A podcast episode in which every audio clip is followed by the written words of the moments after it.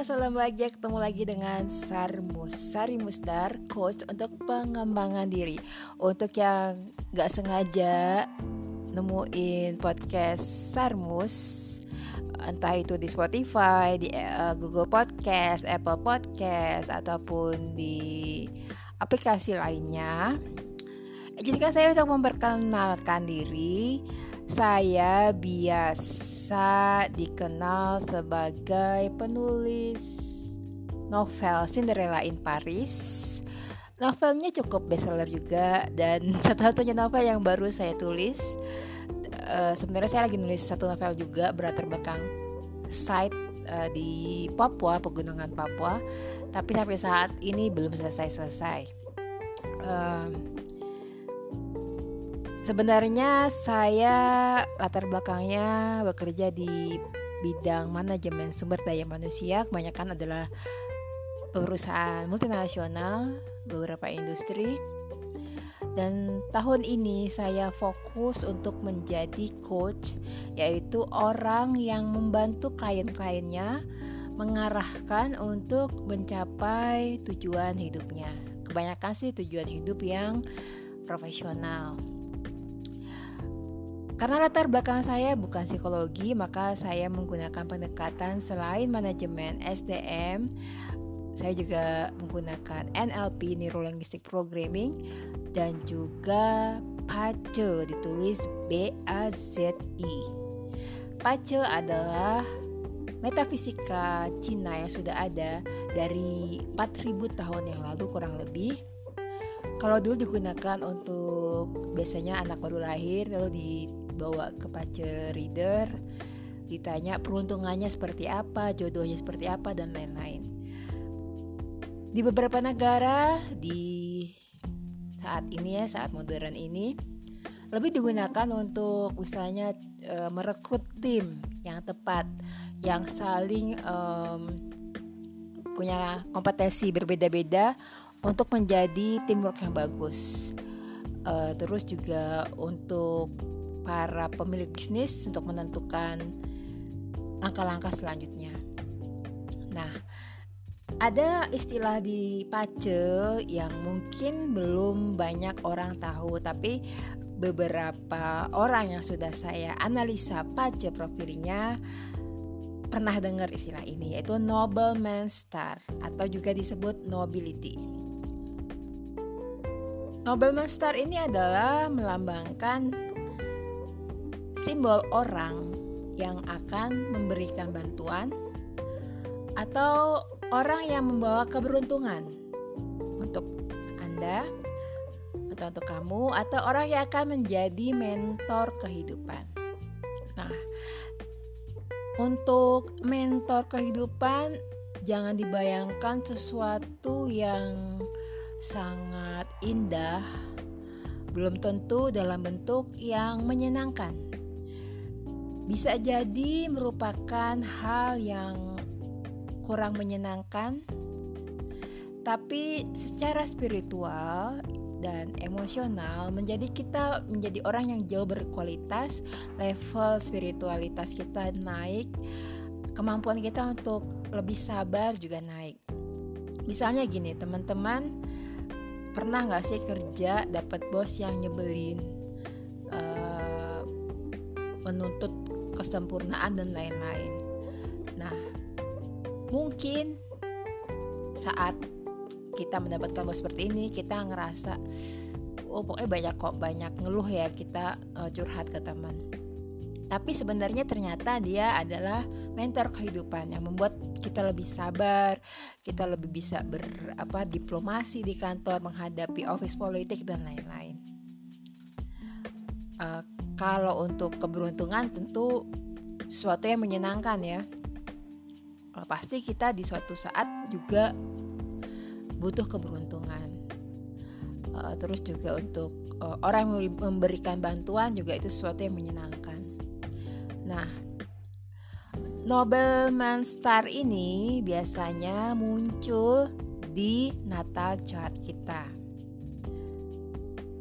Uh, semua orang sih sebenarnya jadi Nobel Master itu disimbolkan dengan siu ada dua sio biasanya.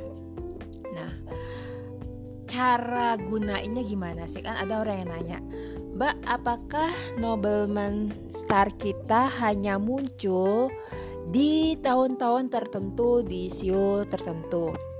Sebenarnya nggak juga. Teman-teman bisa lihat natal chart misalnya adik kakak atau hmm, suami istri saudara atau mungkin anak buah atasan gitu ya. Atasan tapi susah yang ngelihatnya.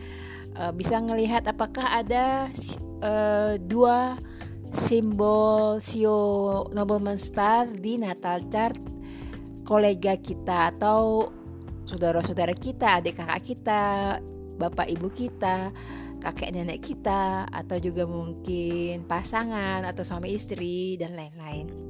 Misalnya uh, saya nobleman star saya salah satunya adalah kakak saya gitu ya. Memang dia sering banget ngebantu saya uh, terutama sejak saya kecil ya atau saya kecil dan uh, menjelang dewasa muda. Ada beberapa orang yang cukup bisa dibilang beruntung ya, beruntung dari dari sananya uh, mempunyai simbol Nobleman Star yang muncul di natal chartnya.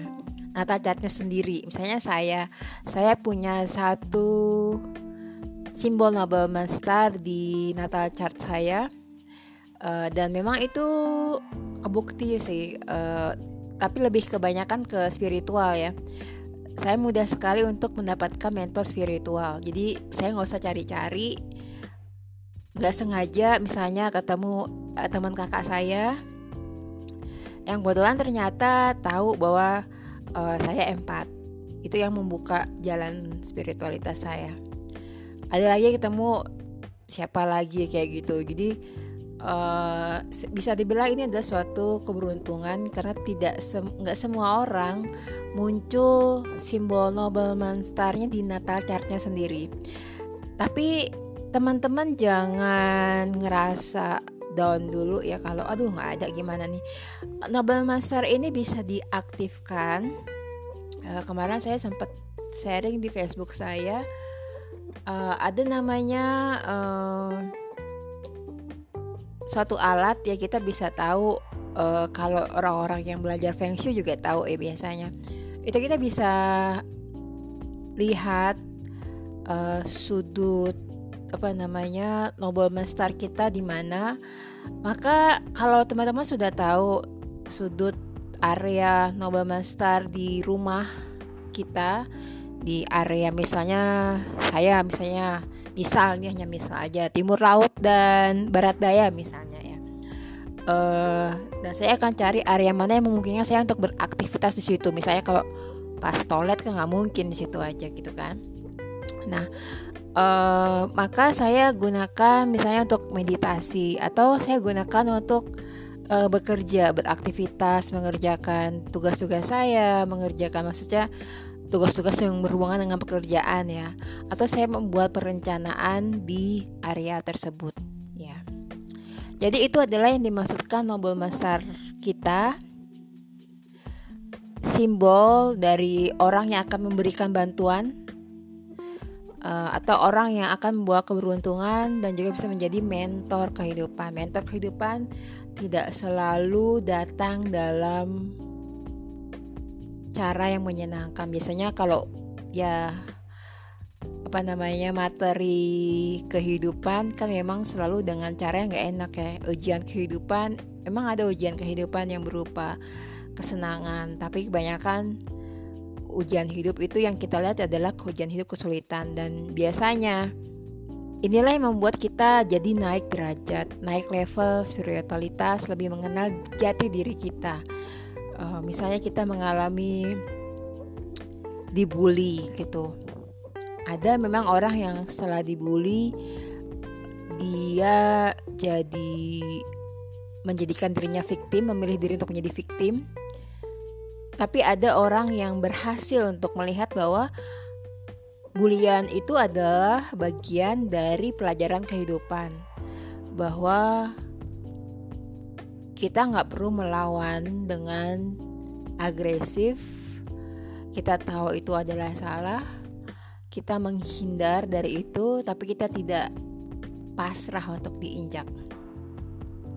Kita menghindar bukan karena kita kalah, tapi kita menghindar karena kita ingin menjaga kesehatan jiwa kita dan ingin bahagia.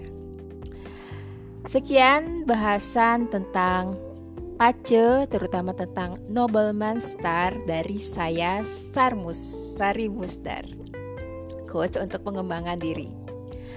Podcast Sari Musdar biasanya ngebahas tentang self love, empat. Empat adalah orang yang peduli, uh, peka maksud saya terhadap energi makhluk hidup yang terlihat dan gak terlihat. Saya juga ngebahas tentang tentunya tentang pengembangan diri dan kebanyakan tadi saya udah bilang saya menggunakan pendekatan PACE, ditulis B A Z I. Terima kasih sudah nyimak podcast Sarmus. Kalau memang bermanfaat, mohon jadikan podcast Sarmus sebagai podcast favorit dan jangan pelit-pelit untuk share link Sarmus ke medsos teman-teman. Kalau ada pertanyaan silakan kirim DM ke Instagram saya @sarimusdar. I am sending my virtual hugs to your soul.